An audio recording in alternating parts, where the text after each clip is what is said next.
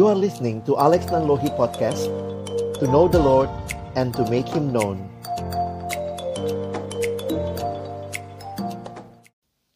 Mari berdoa sebelum kita membaca merenungkan firman Tuhan. Bapa di dalam surga, kami bersyukur kepadamu untuk cinta kasih dan anugerahmu yang sungguh nyata bagi kehidupan kami. Kembali kami akan sama-sama mempelajari firman-Mu. Kami mohon ya Tuhan ketika kami membuka firman-Mu, bukalah juga hati kami. Jadikanlah hati kami seperti tanah yang baik, supaya ketika benih firman Tuhan ditaburkan, boleh sungguh-sungguh berakar, bertumbuh, dan juga berbuah nyata di dalam kehidupan kami. Berkatilah baik hambamu yang menyampaikan dan semua kami yang mendengar.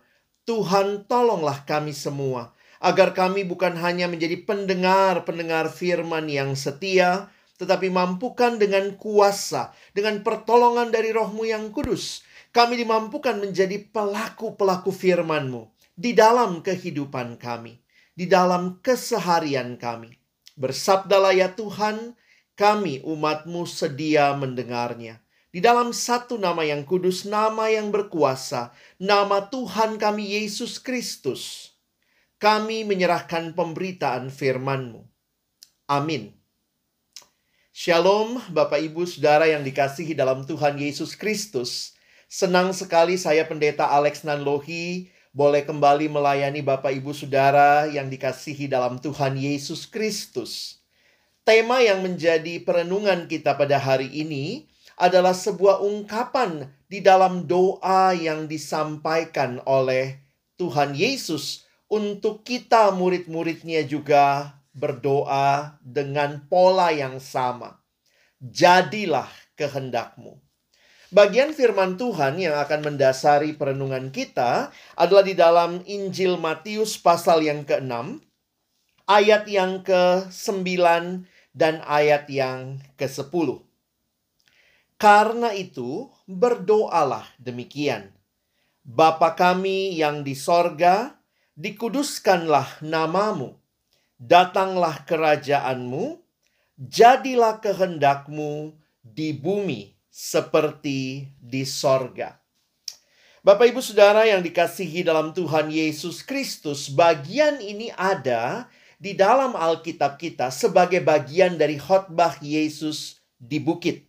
Jika kita memperhatikan di dalam Matius pasal 5 sampai Matius pasal yang ketujuh, Tuhan Yesus sedang memberikan pengajaran tentang apa artinya menjadi murid Allah di dalam dunia ini.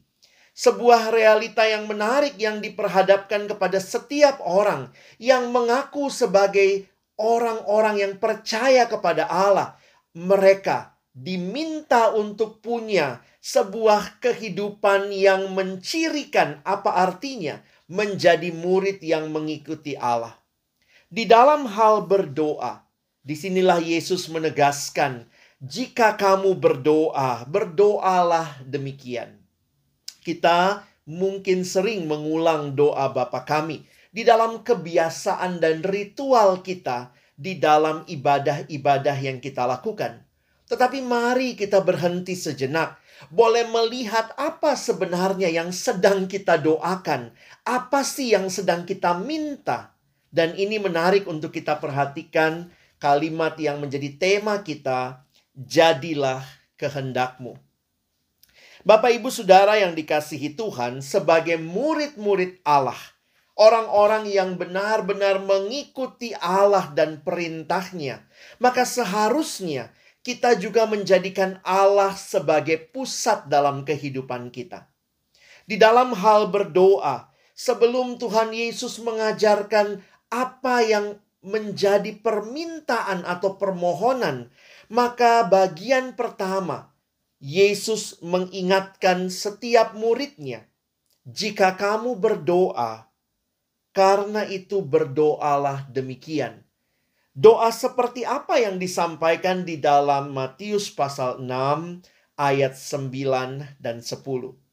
Sebuah pernyataan permohonan yang berpusat kepada Allah dan kehendaknya. Perhatikan dikuduskanlah namamu, datanglah kerajaanmu, dan jadilah kehendakmu. Sebuah permohonan karena ini adalah doa supaya Allah namanya, kerajaannya, kehendaknya boleh terjadi di bumi seperti di sorga. Karena Allah adalah Raja yang tentunya namanya, kerajaannya, dan kehendaknya begitu nyata di dalam sorga. Maka doa kita juga memohon di bumi juga Tuhan nyatakan namamu, kerajaanmu, dan kehendakmu. Bapak ibu saudara yang dikasihi Tuhan, ini adalah bukan sekadar pengantar, bukan sekadar basa-basi waktu berdoa, seolah-olah memuji-muji Allah karena mau meminta sesuatu. Tetapi ini merupakan sebuah permohonan kepada Allah supaya Engkau ya Tuhan hadir dan nyata di dalam kehidupan umatmu. Setiap kita yang berdoa seperti ini, yang berani menyatakan dikuduskanlah namamu ya Tuhan, datanglah kerajaanmu dan memohon jadilah kehendakmu. Itu berarti kita pun menyediakan diri kita untuk menjadi orang-orang yang hidup selaras dengan apa yang kita doakan. Apakah hidup kita benar-benar menguduskan nama Tuhan? Nama di dalam Perjanjian Lama, di dalam dunia Alkitab, menyatakan karakter pribadi seseorang. Nama Allah menyatakan diri pribadi karakter Allah. Dan bukan hanya itu, kita berdoa, "Datanglah kerajaanmu." Ini menyatakan bahwa Tuhan, biarlah Engkau yang memerintah di dalam kehidupan kami, dan bukan kehendak kami yang jadi, tetapi jadilah kehendakmu. Bukan hanya di sorga, tetapi juga di bumi. Bapak, ibu, saudara yang dikasihi Tuhan, jika kita meminta seperti ini, kita menyadari apa yang kita minta, dan kita pun hidup selaras dengan permohonan kita, supaya Allah, namanya, kerajaannya, dan bahkan kehendaknya nyata bagi kita, maka kiranya ini juga menjadi dasar yang teguh bagi kita untuk melanjutkan langkah-langkah hidup kita. Tidak heran sesudah inilah Tuhan Yesus melanjutkan. Setelah memohon kepada Allah, maka perhatikan selanjutnya berikanlah kami makanan kami. Berikanlah kami makanan kami yang secukupnya. Ampunilah kami akan kesalahan kami dan janganlah membawa kami ke dalam pencobaan.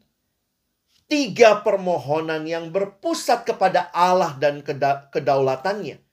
Dan kemudian dilanjutkan dengan tiga permohonan di dalam kehidupan kita sebagai umat Allah. Bapak, ibu, saudara yang dikasihi Tuhan, memahami konsep ini seharusnya membuat kita menyadari bahwa tema ini bukan cuma sekadar sebuah permohonan, jadilah kehendakmu, tetapi benar-benar sebuah penyerahan diri kepada Allah yang kita percaya apa yang menjadi kehendaknya itu yang terbaik bagi hidup kita. Mari Bapak Ibu Saudara kita melihat satu bagian firman Tuhan. Apa yang dinyatakan tentang kehendak Allah. Kehendak Allah itu kehendak yang seperti apa? Karena kalau kita memohon jadilah kehendakmu, maka ada sebuah pernyataan kerinduan Tuhan, biarlah kehendakmu itu jadi dan tentunya kita pun siap mengikuti kehendak Allah. Di dalam Roma pasal yang ke-12, kalau Bapak Ibu Saudara memperhatikan di dalam ayat yang kedua. Mari perhatikan kalimat firman Tuhan Janganlah kamu menjadi serupa dengan dunia ini, tetapi berubahlah oleh pembaharuan budimu, sehingga kamu dapat membedakan manakah kehendak Allah. Perhatikan apa yang baik, yang berkenan kepada Allah, dan yang sempurna. Kehendak Allah yang disampaikan di dalam bagian ini dikaitkan dengan tiga hal. Kehendak Allah adalah kehendak yang baik, yang berkenan kepada Allah, dan yang sempurna. Nah, kita tentunya perlu melihat apa saja yang menjadi kehendak Allah ini di dalam keseharian kita. Bagaimana kita memahami kehendaknya? Pendeta John Stott di dalam tafsirannya terhadap ayat ini mengatakan pembaharuan budi, pembaharuan pikiran yang terjadi sehingga kita bisa mengerti kehendak Allah itu hanya mungkin terjadi ketika Roh Kudus diam di dalam kita, di dalam hati setiap orang yang percaya, dan firman Tuhan menjadi pelita bagi kaki kita, terang bagi jalan kita. Bagaimana Bapak Ibu tahu apa yang menjadi kehendak Allah? Tentunya kita harus hidup beriman di dalam pimpinan Roh Kudus dan juga membaca dan merenungkan firman Tuhan untuk memahami apakah kehendak Allah yang baik itu yang berkenan kepada Allah dan yang sempurna. Seringkali realita kehidupan kita kita diperhadapkan dengan kehendak kita dan kehendak Allah. Contohnya, bagi kita yang sudah ada di dalam Kristus, kita yang telah diperbaharui, tetapi sering kali tabiat manusia lama yang masih sering kali muncul. Misalnya, ketika kita merasa marah, ketika kita merasa jengkel, mungkin yang keluar adalah makian, caci maki. Tapi pertanyaannya, apakah itu kehendak Allah? Apakah itu yang baik? yang berkenan kepada Allah dan yang sempurna. Lalu bagaimana kita bisa melihatnya? Tentu ketika kita berhadapan dengan firman-Nya, maka firman Tuhan itu mengajar kita, menyatakan kesalahan kita, memperbaiki kelakuan kita dan mendidik kita di dalam kebenaran. Bapak Ibu Saudara, sebagai guru, sebagai karyawan, kita pun belum selesai hidup sebagai murid Kristus. Berarti kita pun sedang terus diproses untuk mengikuti kehendak Allah. Apa yang baik, yang berkenan kepada Allah dan yang sempurna. Apakah kita menjadi orang-orang yang gampang marah? Ketimbang menjadi orang yang mengikuti kehendak Allah untuk belajar sabar. Saya sering kali menggunakan pemahaman tentang buah roh untuk mencoba mengevaluasi sejauh mana hidup saya apakah sudah semakin serupa dengan kehendak Allah ataukah saya sedang mengikuti kehendak sendiri. Di dalam Galatia pasal yang kelima, ketika Rasul Paulus menggambarkan kontras tentang buah roh dan perbuatan daging. Dan di situ dinyatakan perbuatan daging adalah apa yang berpusat kepada diri kita kepada apa yang kita mau, apa yang kita suka, dan itu mengikat karena kita terikat kepada dosa. Egois yang luar biasa. Karena itu perbuatan daging dikaitkan dengan perselisihan, percideraan, hawa nafsu. Tetapi ketika bicara buah roh, ini berbicara berpusat kepada Allah dan kehendaknya. Kasih, sukacita, kesabaran, kemurahan, Seterusnya sampai penguasaan diri. Apakah Bapak Ibu Saudara dan saya juga sedang terus makin hidup sesuai kehendak Allah? Firman Tuhan membimbing kita makin memahami apa yang Tuhan mau. Sehingga hidup kita bukan mengikuti apa yang kita mau saja.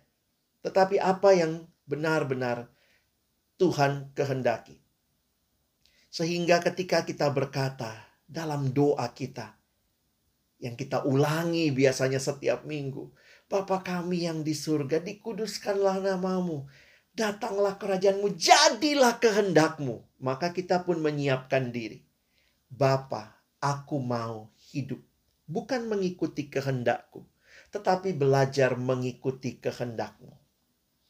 Dan kiranya firman Tuhan terus membimbing kita untuk hidup sesuai kehendak Tuhan. Dan Roh Kudus yang diam di dalam kita akan memimpin kita untuk makin hidup sesuai kehendak Tuhan. Bapak, ibu, saudara yang dikasihi Tuhan, hidup yang dibaharui di dalam Kristus menjadi hidup yang kembali menyatakan, "Aku mau hidup seturut kehendakmu." Kalau kita senang uh, biasa mem mempelajari tentang creation, fall, redemption, dan bahkan consummation, maka bukankah awalnya Allah menciptakan manusia untuk hidup seturut kehendaknya. Itulah creation. Tetapi di dalam dosa, manusia yang jatuh dalam dosa berpusat pada diri dan kehendaknya. Maka bukan jadilah kehendakmu, tapi jadilah kehendakku. Dan ketika kita dibaharui dalam karya Kristus yang genap bagi kita di kayu salib, redemption, maka Kristus memberikan kepada kita rohnya yang kudus, diam di hati kita Tuhan Yesus memberikan kepada kita firman-Nya yang menuntun kita untuk sekarang ini kita bisa berkata, Tuhan, aku mau hidup seturut kehendak-Mu. Kembali kita bisa menaikkan doa ini dan menghidupi pernyataan, jadilah kehendak-Mu.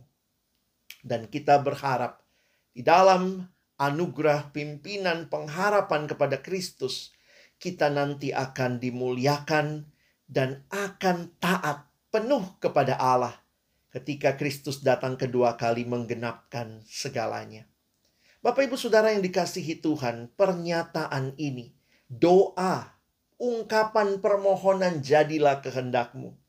Juga kita lihat di dalam permohonan Kristus sendiri. Ketika kita membaca di dalam Injil Lukas. Di masa-masa kita memperingati Jumat Agung, dan merayakan kemenangan Kristus di dalam Paskah, maka ingatlah, renungkanlah kisah ini di Taman Getsemani ketika Kristus berlutut dan berdoa. Lukas 22 ayat yang ke-41 dan 42. Kemudian Yesus menjauhkan diri dari mereka, kira-kira sepelempar batu jaraknya Lalu ia berlutut dan berdoa katanya. Perhatikan ayat 42. Ya Bapakku, jikalau engkau mau, ambillah cawan ini daripadaku. Tetapi bukan kehendakku, melainkan kehendakmulah yang terjadi. Dua catatan ketika Yesus mengajar muridnya berdoalah, jadilah kehendakmu dan itu juga menjadi doa yang dia sampaikan kepada Bapa. Di tengah-tengah penderitaan yang begitu sulit, ada satu keinginan Tuhan. Jikalau mungkin cawan ini lalu daripadaku. Tetapi Kristus belajar taat. Ketaatan yang bukan kehendakku, tetapi kehendakmu. Dan ketaatannya menjadi keselamatan bagi kita. Kalimat ini bukan hanya kalimat mengakhiri doa. Banyak orang mengutip kalimat ini ya di akhir doa. Ya Tuhan Yesus, bukan kehendak kami tapi kehendakmu yang terjadi. Tapi ini menjadi satu bentuk penyerahan diri. Bentuk kesediaan untuk mengikuti kehendak Tuhan seberapa sulit pun itu bahkan ketika nyawa tantangannya, taruhannya. Kristus berkata, "Bukanlah kehendakku, melainkan kehendakmu lah yang terjadi." Teladan ini membawa kita juga yang kembali merayakan Jumat Agung, merayakan Paskah untuk benar-benar berserah kepada Allah, merindukan Tuhan bukan kehendak kami yang terjadi, tetapi kehendakmu lah yang terjadi.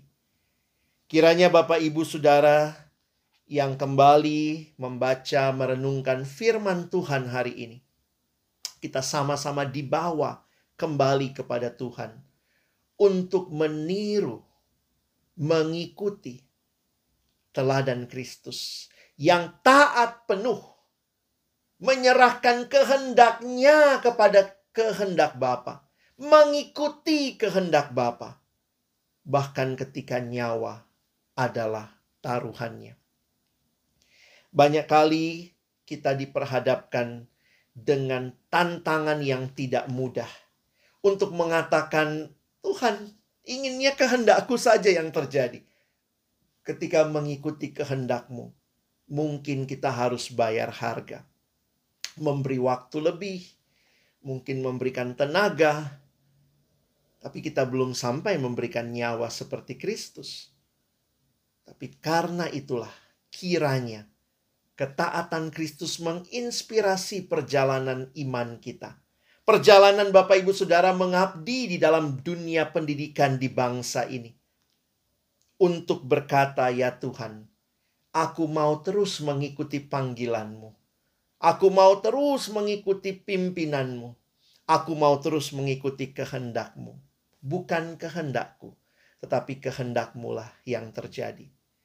Kiranya firman Tuhan ini kembali menyegarkan kita semua untuk berjalan di dalam pimpinan Tuhan. Tuhan menolong kita, bukan cuma jadi pendengar yang setia, tetapi jadi pelaku-pelaku firman Tuhan.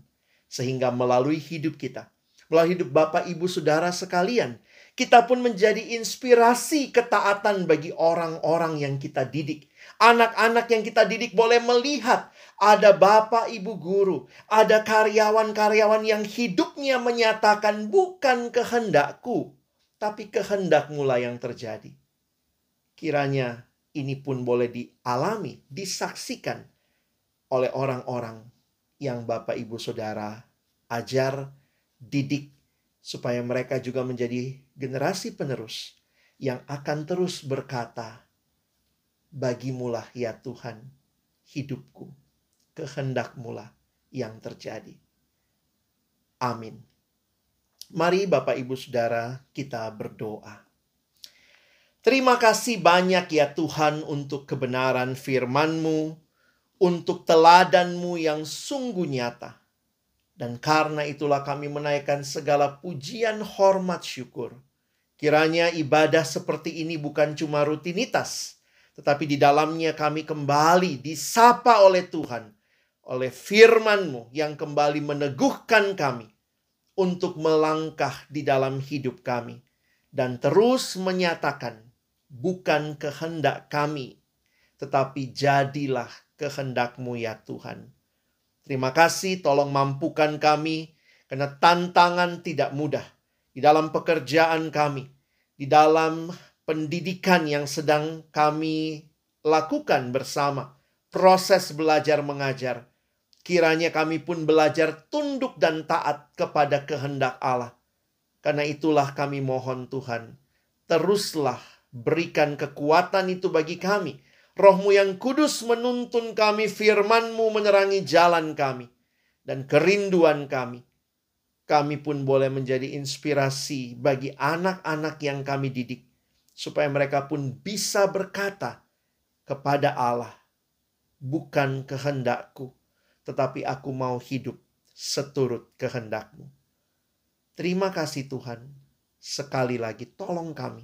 Bukan cuma jadi pendengar-pendengar firman yang setia, tapi mampukan dengan kuasa pertolongan rohmu yang kudus. Kami dimampukan menjadi pelaku-pelaku firman-Mu di dalam hidup dan keseharian kami. Di dalam nama Tuhan Yesus Kristus yang mengasihi kami, kami sudah berdoa dan bersyukur. Amin.